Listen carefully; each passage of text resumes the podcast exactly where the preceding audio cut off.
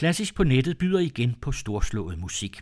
Denne gang er det toner, der går i højderne, når vi skal høre musik inspireret af klippelandskaber, bjerge og bakker.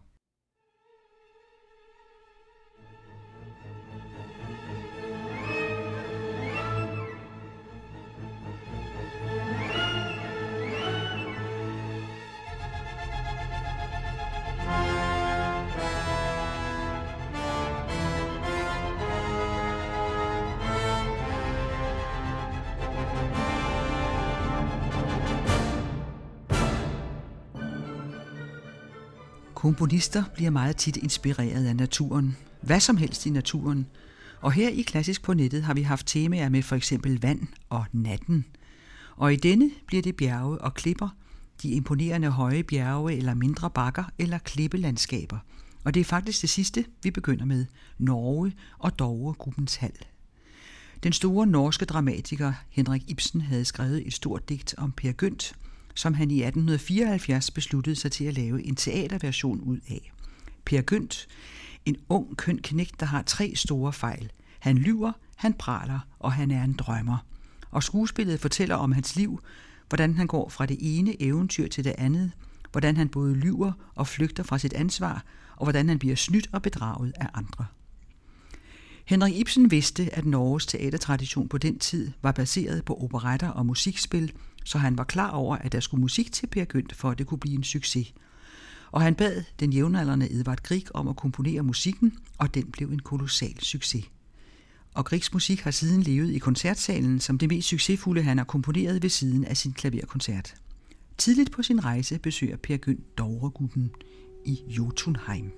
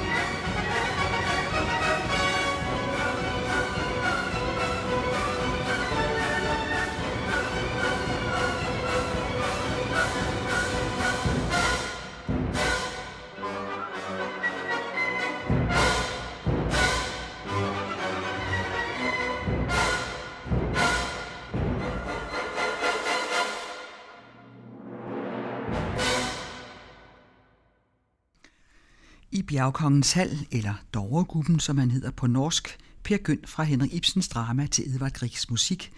Og Grieg skrev selv, at netop til Dovregubbens Hal havde han skrevet noget ultranorsk og med lugten af en kokasse, så han kunne ikke selv holde ud at høre på det, men han håbede, at folk ville forstå det. Her var det Berliner Philharmonikerne, der spillede med Herbert von Karajan. I Berlin fik den 20-årige Rud Langgaard sin første symfoni ureført af Berliner Philharmonikerne – og det var i 1913, og man skulle tro, at verden derefter lå åben for den unge komponist og organist. Men det gjorde den ikke. Første verdenskrig var lige på trapperne og lukkede umiddelbart efter af for videre internationale muligheder for Ryd Langgaard, og så startede den trælse og forgæves vej for ham i Danmark. Hans musik var for romantisk og slet ikke i tiden, og hans person var alt for mærkelig. De fleste af hans kompositioner endte i skrivebordskuffen. Der var ikke mange, der ville opføre den ofte storladende musik på den tid. Heller ikke som organist fik han rigtig noget at lave i København, så han endte sine dage som domorganist i Ribe fra 1940 til sin død i 1952. Og der levede han med sin kone, der havde været husbestyrer inde i hans forældres hjem, og onde tunge siger, at det ægteskab aldrig blev fuldbyrdet. Han havde fistelstemme og gik rundt i de små gamle gader, også tit om natten med sin slingkappe, men komponere blev han ved med at gøre, og i dag er der ingen tvivl om den konstant større og større interesse for hans musik. I Ribe har man for nogle år siden med stort engagement indført en årlig Rud Langgaard Festival. Rud Langgaard kaldte sin første symfoni Klippepastoraler, og firesatsen hedder Op af fjellet.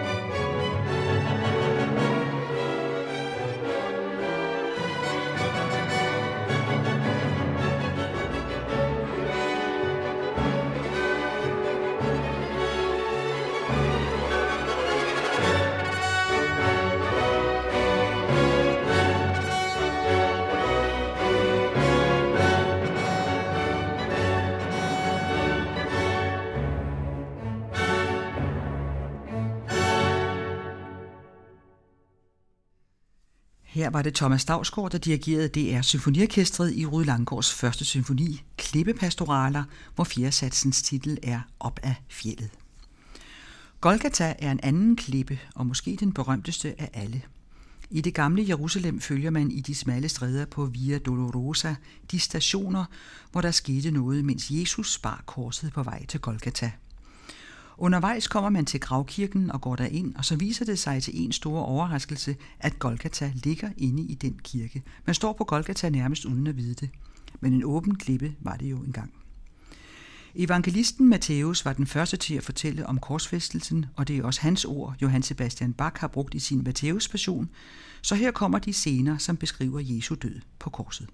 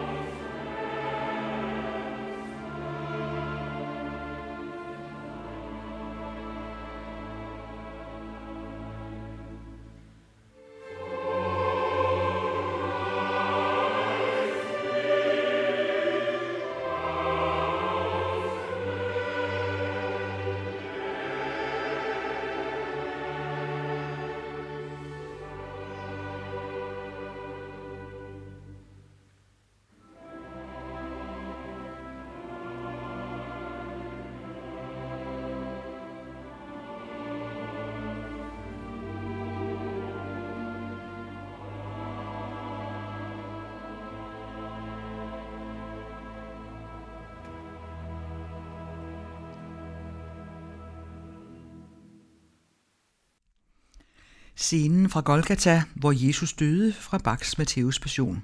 Og det var med Philharmonia, kor og orkester dirigeret af Otto Klemperer. Og de tre solister, vi hørte, var Christa Ludwig og Peter Pires, og så Dietrich Fischer-Dieskau som Jesus. En meget, meget berømt klippe, der nu befinder sig inde i en kirke, der bestyres af syv kirkesamfund. Vi bliver lidt af det bibelske, for nu skal vi høre om Sulamit. Hende hører man om i højsangen, som er en del af det gamle testamente. Det er en samling kærlighedsdigte, en vekselsang mellem en ung mand og en ung kvinde, Salomon og Sulamit.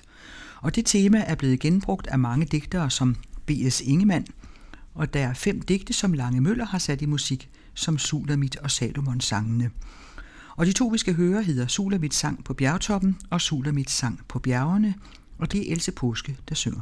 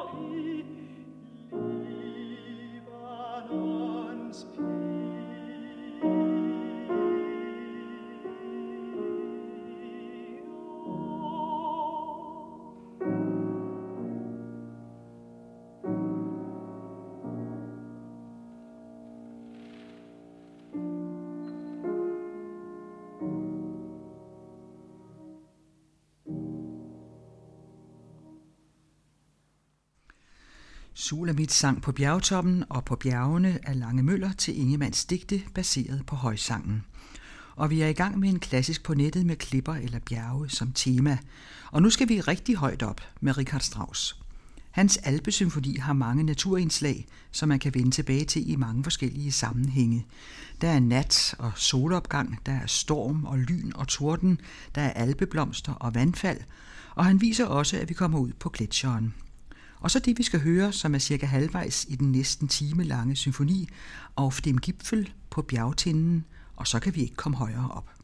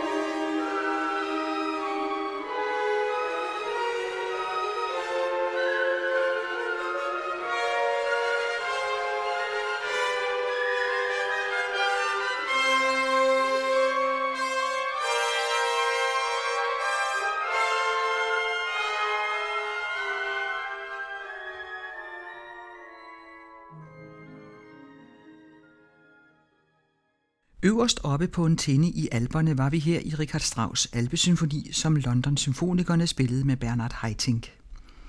Det var de store alper, som i virkeligheden begynder i Frankrig og slutter i Østrig, eller også det omvendt.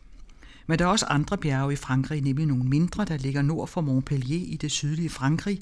De hedder Cévennerne, og det er et forholdsvis øde område med slugter og kløfter og grotter og huler og underjordiske floder. Og her tilbragte Vincent Dandy sin barndomsferie, ellers var han født i Paris, hvor han også fik sin uddannelse på Konservatoriet. Han var en af de første, der skrev symfonier i Frankrig, og et af hans kendteste værker er hans symfoni for klaver og orkester, bygget over en bjergsang fra Sevenderne. Symfoni Sevenol hedder den også. Der er tre satser, og i alle tre hører man glimt af den bjergsang, som betød så meget for Dandy. Vi skal høre slutsatsen med pianisten Jean-Yves Thibaudet med Montreal Symfoniorkester.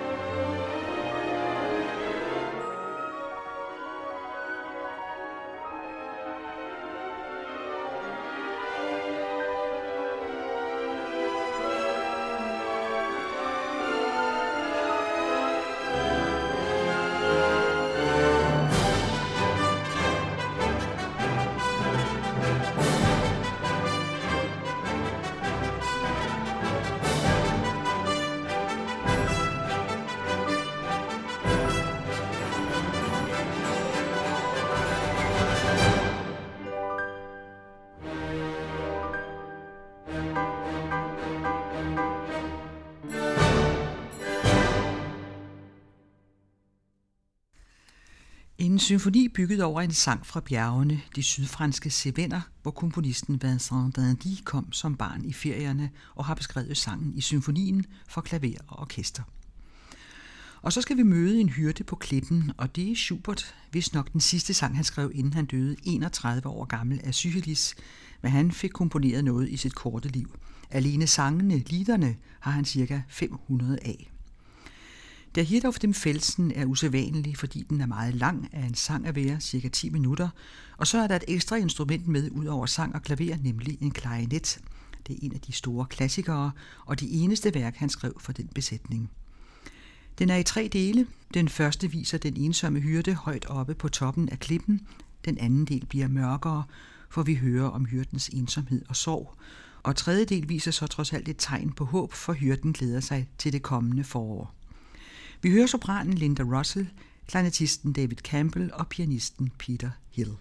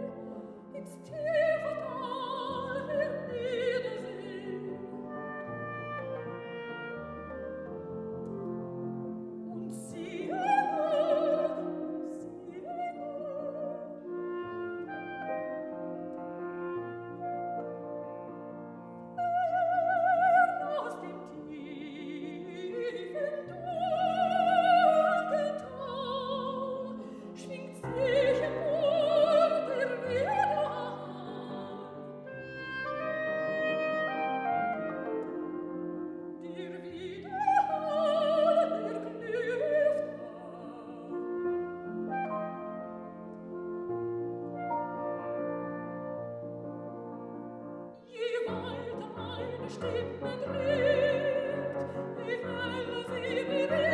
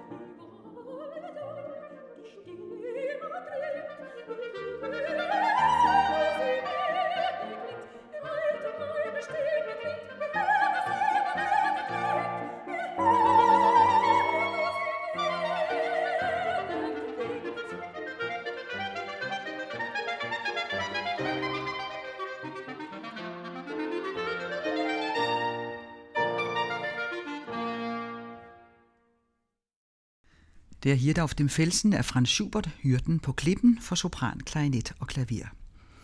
Og så skal vi til det sidste bjerg eller klippe i denne udgave af Klassisk på nettet, og det bliver Bloksbjerg, vi skal besøge. En nat på Bloksbjerg ovenikøbet. Og det kan godt ske, det er lidt voldsomt, for det er jo der heksene mødes. Det er også udgangspunktet for Modest Mussorgskis symfoniske digt. Kæmpedæmonen Tjernobok sidder på Bloksbjerg med sine flagermusvinger foldet omkring toppen, og når midnatsklokken falder i slag, åbner han de enorme vinger og afslører en flot maskulin krop og et dæmonfjes med øjne uden pupiller. På den gamle middelalderbys kirkegård står de døde sjæle op af deres grave, og i et vanvittigt rit strømmer de mod bjerget, hvor en heksesabbat finder sted. Når kirkeklokken varsler daggryet, forsvinder dæmonen ind i sin bjergtinde igen.